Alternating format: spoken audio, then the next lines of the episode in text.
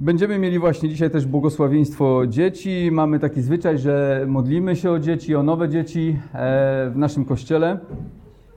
I w związku z tym też przygotowałem takie okolicznościowe dzisiaj kazanie z Ewangelii Marka, z 10 rozdziału. Ewangelia Marka, 10 rozdział od 13 do 16 wiersza. Pan Jezus też miał coś do powiedzenia na temat dzieci. Dzieci są ważną częścią naszego życia i Jezus tego nie omijał. Słowo Boże mówi o tym, jak mamy wychowywać nasze dzieci, jaki mamy mieć stosunek do naszych dzieci, jakie relacje mamy z naszymi dziećmi budować, jak je zachęcać, napominać. Ewangelia Marka 10, 13, 16. Otwórzmy nasze Biblię na Ewangelii Marka, 10 rozdział, od 13 wiersza do 16. I czytamy w tym fragmencie, aby się ich dotknął, ale uczniowie gromili ich. Gdy Jezus to spostrzegł, oburzył się i rzekł do nich: Pozwólcie dziadkom przychodzić do mnie i nie zabraniajcie im, ale bowiem takich jest Królestwo Boże. Zaprawdę powiadam wam, ktokolwiek by nie przyjął Królestwa Bożego jak dziecię, nie wejdzie do niego. I brał je w ramiona i błogosławił, kładąc na nie ręce. Pozwólcie chwilę się pomodlę, poproszę Pana o prowadzenie. Panie, poprowadź mnie, pomóż mi wyjaśniać i proszę Cię, abyśmy mogli też to zastosować, co chcesz do nas dzisiaj powiedzieć. Jakiś czas temu nasza fundacja, założona przez nasz Kościół, wydała książkę pod tytułem Bezpieczni w ramionach Boga. Nie wiem, czy y, mieliście okazję zapoznać się z tą pozycją. Już ma ze dwa lata, może troszkę więcej niż dwa lata. Książka ta jest z autorstwa Johna MacArthur'a. Przedstawia ona i opisuje Boży stosunek do dzieci na podstawie Pisma Świętego, a szczególnie zajmuje się tematem, co dzieje się z małymi dziećmi i niemowlętami po śmierci. To jest taki temat, no, czasami omijany po prostu przez nas. Szczególnie rodzice, którzy, którzy stracili małe dzieci, zadają sobie te pytania. I ta książka więcej o tym mówi. Nie mam tej książki tutaj, ona być może jest w naszej bibliotece. Biblia mówi, że Bóg ma serce dla dzieci, kocha dzieci. Kocha dzieci i chce błogosławić dzieci. Pan Jezus powiedział, że jeśli nie staniemy się jak dzieci, to nie wejdziemy do Królestwa Bożego.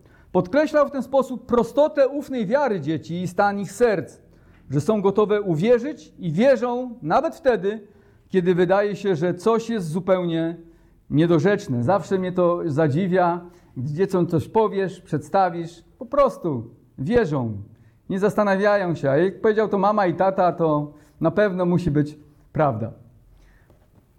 W ten sposób Pan Jezus zwraca naszą uwagę, że mamy zaufać Jego słowom, właśnie jak dzieci. Niestety, fałszywa religia potrafi krzywdzić dzieci i jeszcze ubierać takie działanie nawet w szaty świętości i oddania Bogu.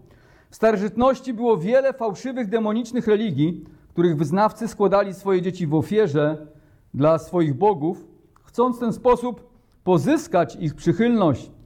I jaki Bóg mógł wpaść na taki pomysł, żeby dzieci składać w ofierze? Chyba tylko diabeł, prawda? Tylko diabeł mógł taki pomysł mieć. Prawdziwy Bóg od początku sprzeciwiał się takim praktykom i mówił, że są dla niego obrzydliwe. Bóg chce błogosławić dzieci, a nie krzywdzić je. Zobaczmy, co Bóg mówi do Izraela odnośnie tych praktyk w Starym Testamencie. Księga Powtórzonego Prawa, to jest piąta księga Mojżeszowa, 12 rozdział, 30 wiersz. I czytamy tak, w Księdze Powtórzonego Prawa, piąta księga Mojżeszowa w Bibliach Warszawskich, 12, 12 rozdział, 30 wiersz.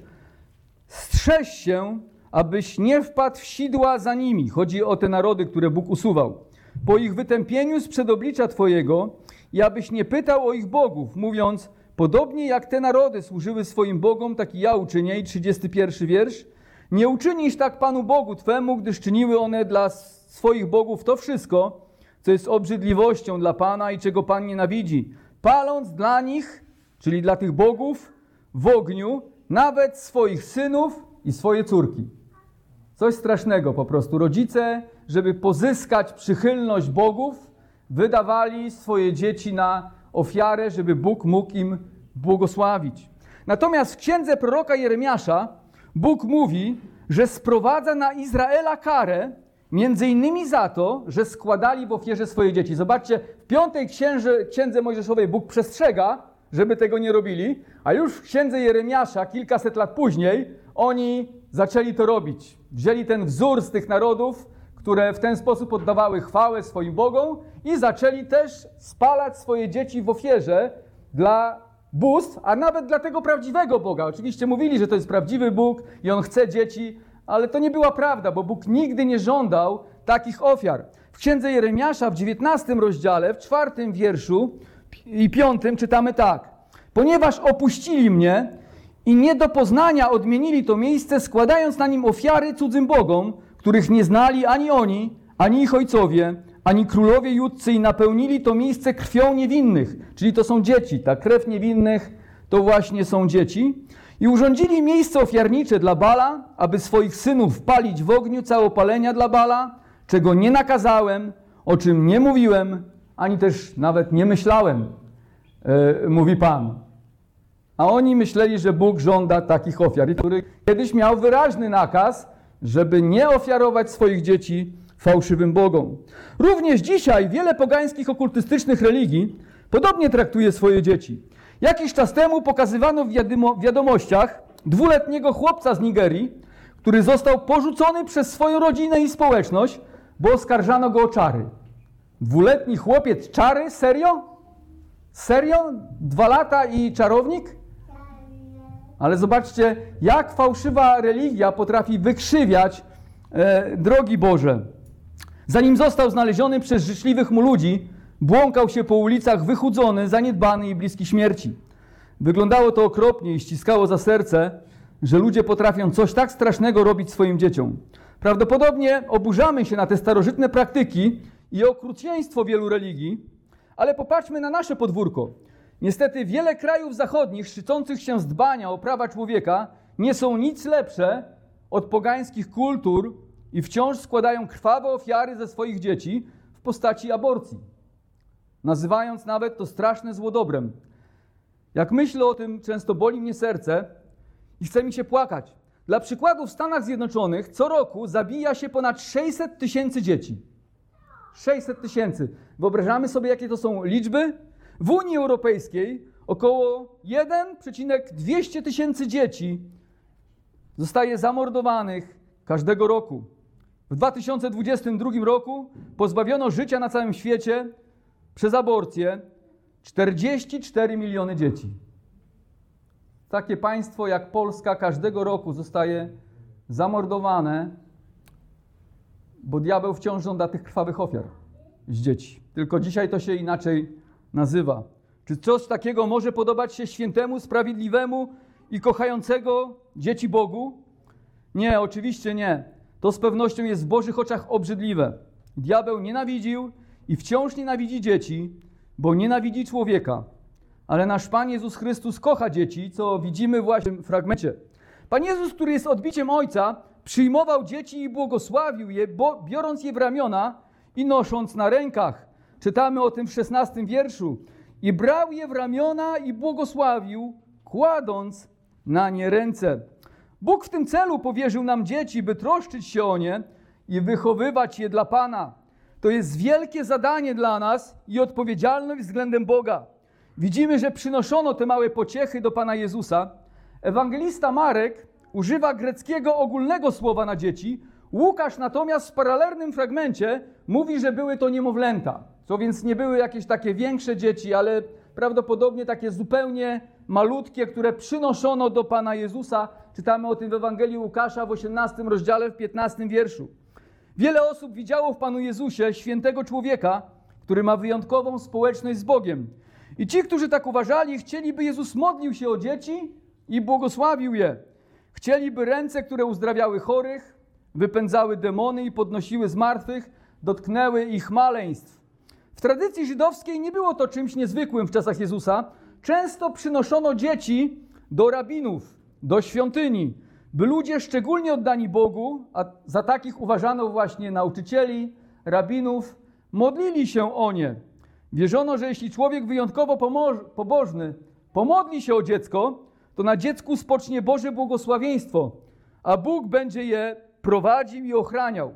W judaizmie był nawet specjalny dzień w ciągu roku, w którym błogosławiono dzieci, Dzień Pojednania. Tak się nazywał, tam były inne uroczystości, ale właśnie w ten Dzień Pojednania też między innymi błogosławiono dzieci.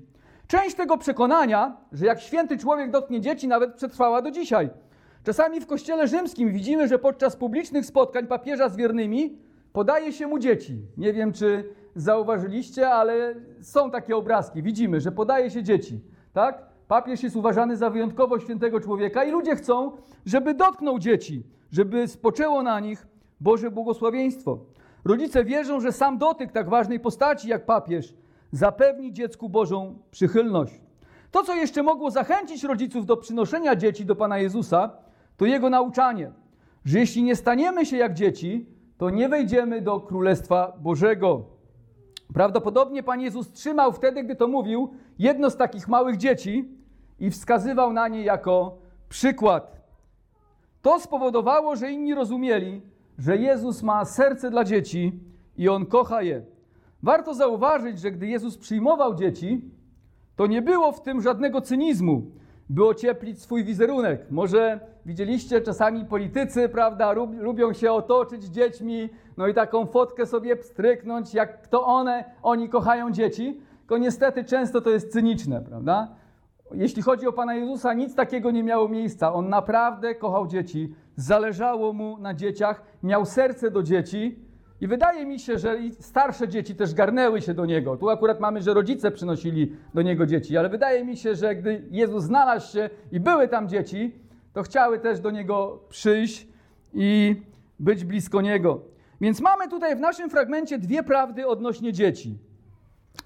Że zajmują szczególne miejsce w Królestwie Bożym, a druga prawda, że my musimy stać się jak one, by być zbawionym.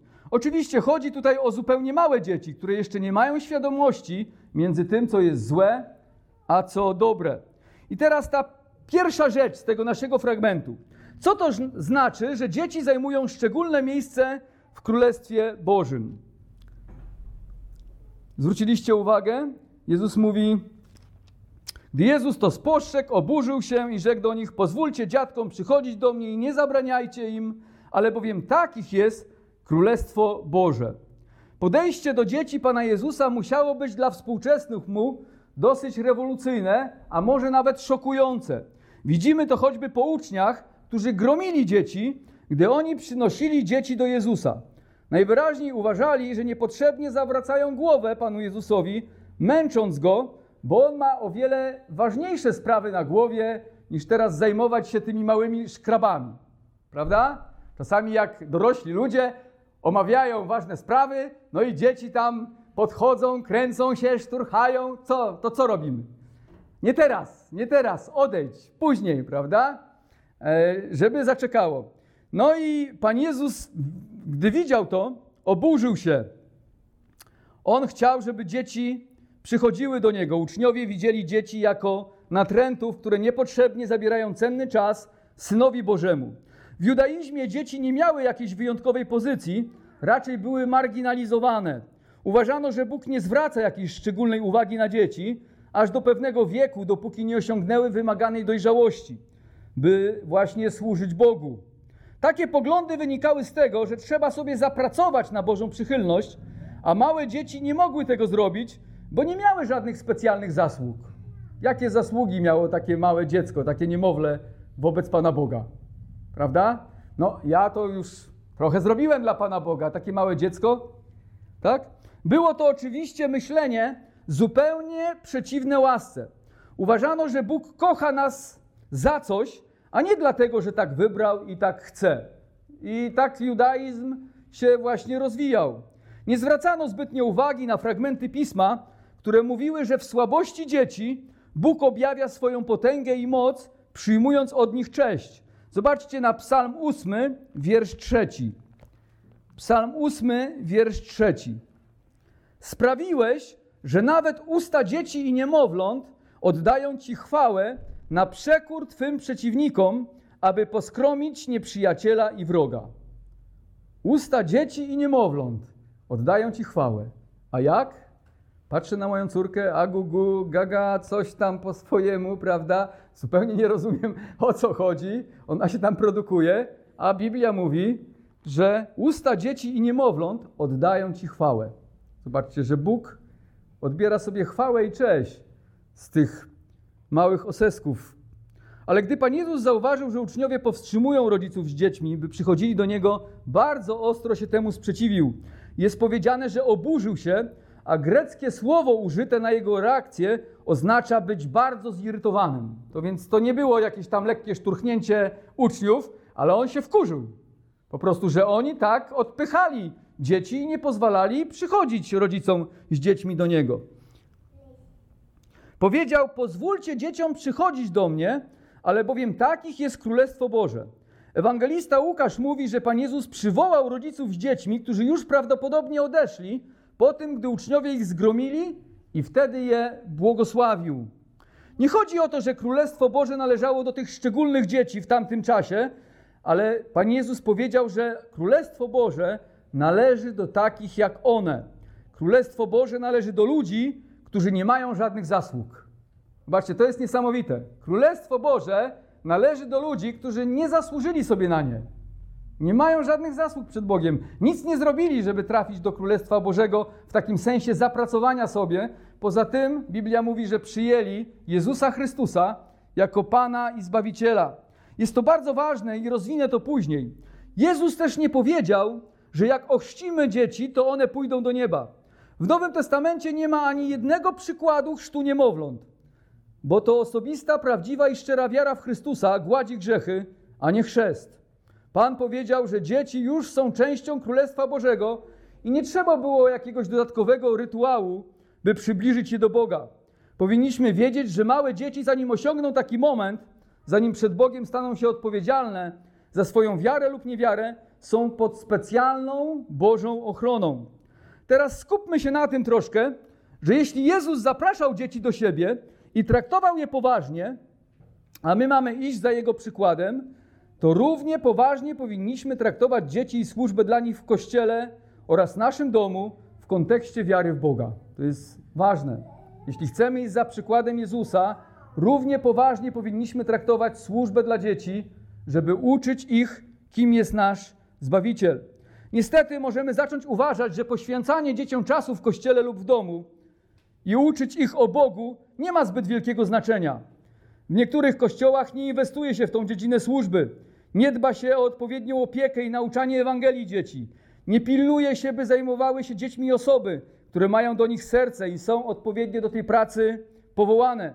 Czasami nie rozwija się tej części służby Kościoła w, w przekonaniu, że jest ona mało przy przyszłościowa i zajmuje zbyt dużo wysiłku, a wiadomo, że praca z dziećmi kiedy przynosi efekty? Po wielu, wielu latach, prawda? Mamy też w naszym kościele wiele nauczycielek, które uczą dzieci, no i nie da się w ciągu tygodnia, miesiąca, prawda, ukształtować człowieka. Tak więc praca z dziećmi przynosi owoce po wielu, wielu latach. Ale dzieci również potrzebują Pana Jezusa Chrystusa. Potrzebują być wychowywane blisko Niego, zarówno w kościele, jak i w domu. Od najmłodszych lat powinno się uczyć je, że potrzebują Zbawiciela, którym jest Jezus i potrzebują kochać Go. Znam świadectwa nawrócenia kilku lub kilkunastoletnich dzieci, które od najmłodszych lat powierzały, powierzyły swoje życie Panu Jezusowi. Ostatnio nawet się zdziwiłem, bo dziewczynka, znaczy teraz już dorosła kobieta, ale powiedziała mi, że uwierzyła, gdy miała 6 lat. I nie, 6 lat, nie kwestionowałem tego. Może właśnie 6 lat miała, kiedy uwierzyła w Pana Jezusa Chrystusa i uznała Go za swojego Pana i Zbawiciela. Tak więc dzieci potrzebują Zbawiciela. Dzieci powinny również czuć, że są częścią społeczności Kościoła i powinny wiedzieć, że Bóg ma dla nich miejsce w Królestwie Bożym. A naszym obowiązkiem wobec dzieci jest stworzyć im takie warunki w Kościele, by wiedziały, że są mile tu widziane, że chcemy, aby z nami były, a przede wszystkim, żeby żyły z Bogiem. To oczywiście nie oznacza, że mam, nie mamy żadnych zasad i dzieci mogą robić co chcą, ale mamy im uświadamiać przez odpowiednie traktowanie i nauczanie, że Bóg ma dla nich plan i Pan Jezus również umarł za ich grzechy. Nasza postawa wobec dzieci nie może być taka, jaką prezentowali uczniowie, że kwestia Królestwa Bożego, zbawienia, kim jest Bóg i służba Jemu, dotyczy wyłącznie dorosłych ludzi. To nie jest dla ciebie. Jesteś jeszcze za mały, za mała. Zaczekaj pięć lat, dopiero ci wytłumaczymy, o co tutaj chodzi. Prawda? Pan Jezus nie traktował w ten sposób małych dzieci. Również rodzice powinni wiedzieć, że Bóg chce, by od najmłodszych lat ich dzieci były nauczane o Bogu. Jego słowo Ewangelii przez osobisty przykład, czytanie z nimi Słowa Bożego oraz modlitwę. To jest jeden z najważniejszych celów rodzicielstwa, nauczyć dzieci oddawać Bogu cześć, naszemu Stwórcy i Zbawcy, Jezusowi Chrystusowi. Bóg od początku te prawdy komunikował Izraelowi. Spójrzmy na Księgę Powtórzonego Prawa, to jest piąta Księga Mojżeszowa w Bibliach Warszawskich, jedenasty rozdział od 18 wiersza do 21. Przyjmijcie zatem te moje słowa do swego serca i do swojej duszy i przywiążcie je jako znak do swojej ręki i niech będą jako opaska między waszymi oczyma. Nauczajcie ich swoich synów, mówiąc o nich, gdy siedzisz w domu i gdy jesteś w drodze i gdy się kładziesz i gdy wstajesz. Wypisz je także na drzwiach twojego domu i na swoich bramach, aby pomnożyły się dni wasze i dni waszych synów w ziemi, którą Pan przysiągł dać waszym ojcom, tak jak dni niebios, które są nad ziemią. Jeszcze Księga Powtórzonego Prawa, czwarty rozdział, dziewiąty wiersz. Tylko strzeż się i pilnuj swojej duszy, abyś nie zapomniał tych rzeczy, które widziały Twoje oczy, i aby nie odstąpiło od Twego serca po wszystkie dni Twojego życia, ale opowiadaj o nich, czyli o wyprowadzeniu z Egiptu i tym, co Pan uczynił dla Izraela, opowiadaj o tym swoim synom i synom swoich synów. Czyli dbaj o to, aby opowiadać swoim dzieciom, kim jest Bóg, jak Ciebie zbawił, jakim jest wspaniałym Zbawicielem, jak nas uratował, umierając za nas na krzyżu, posyłając swojego Syna. Jeśli Bóg chciałby Izraelici opowiadali i nauczali prawa Boże, Bożego Starego Testamentu dzieci, tym bardziej chce, byśmy opowiadali swoim dzieciom chwalebną Ewangelię naszego Pana Jezusa Chrystusa i uczyli o Jego wielkim zbawieniu. Apostoł Paweł mówił w liście do Efezjan o wychowaniu dzieci przez chrześcijańskich rodziców tak. A wy, ojcowie, nie pobudzajcie do gniewu dzieci swoich, lecz napominajcie i wychowujcie je w karności dla Pana. W karności dla Pana. Mamy wychowywać dzieci dla Pana. Również mamy Tymoteusza, o którym czytamy w drugim liście do Tesaloniczan 3,15, że od dzieciństwa znał Pisma Święte, których uczyła go jego babcia i mama i mogą go one obdarzyć mądrością ku zbawieniu. Te kobiety musiały zadać sobie wiele trudu, żeby tego młodego chłopca uczyć już od najmłodszych lat Pisma Świętego. Też nie było Pisma Świętego tak w domu, jak my mamy, niemalże na każdym nośniku. Prawdopodobnie chodzili do synagogi, tam słuchali tekstów, które były czytane i uczono też na pamięć się tych tekstów. Tymoteusz uczył na pamięć się tych tekstów, żeby wiedział o tym, co Bóg mówi o zbawieniu. Najlepszą i najważniejszą rzeczą, jaką mogą przekazać chrześcijańscy rodzice swoim dzieciom, to Ewangelia o Jezusie Chrystusie, która przynosi życie wieczne. Ktoś tutaj się modlił, że to życie jest tylko na chwilę. Prawda? I nawet jeśli nasze dzieci zdobędą dobre wykształcenie, nawet jeśli będą miały wysoką pozycję społeczną, nawet jeśli będą szanowane przez innych i będą tak zwanymi dobrymi ludźmi, dobrymi sąsiadami, ale nie poznają Jezusa Chrystusa i nie zostaną zbawione, to co im to pomoże? Ostatecznie w tym wiecznym rozrachunku. Drodzy, drodzy rodzice i opiekunowie, których dzieci będą dzisiaj błogosławione. Pamiętajcie, pamiętajmy o tym, mówię tu również o sobie, bo i moja córka będzie błogosławiona, że niewiele pożytku przyniesie nasza modlitwa dzisiaj, jeśli sami nie będziemy dbali w naszych domach o ewangelizację naszych dzieci. Niewiele da pożytku nasza modlitwa dzisiaj, jeśli nie będziemy wychowywać naszych dzieci blisko Kościoła Jezusa Chrystusa i dawać im osobisty przykład o naszym Zbawicielu. A jeśli będziemy to wszystko czynić, traktować z całą powagą służbę dla dzieci w Kościele i będziemy odpowiedzialnymi rodzicami, względem naszych powinności wobec dzieci, jakie nam Pan powierzył, to On to pobłogosławi. On pobłogosławi tą modlitwę i On pobłogosławi nasze dzieci. Będzie je chronił i będzie je prowadził i czyniąc z nich wedle swojej woli w swoim czasie swoje sługi i służebnice. Oby tak się stało w przypadku każdego dziecka, które jest w tym kościele i nie tylko w tym, ale w każdym innym i na całym świecie. Pozwólcie, że posłużę się tu pewnym przykładem jednego człowieka, który zaczął poważnie traktować służbę dla dzieci. Tym człowiekiem jest George Miller. Jestem na świeżo, bo ostatnio z dziećmi przeczytaliśmy jego biografię. Znany jako ojciec bezdomnych dzieci z Bristolu. George w XVIII wieku, jako młody, nawrócony chłopak, szukał swojej służby misyjnej w świecie i któregoś dnia otworzył swój osobisty dom dla porzuconych dzieci z Bristolu w Wielkiej Brytanii. W tamtym czasie było bardzo wiele opuszczonych dzieci, niekochanych przez nikogo, oprócz Boga. George natomiast ze swoją żoną Mary otworzył w swoim domu klub śniadaniowy, najpierw dla trzydziestki dzieci, karmiąc ich i ucząc o Jezusie Chrystusie.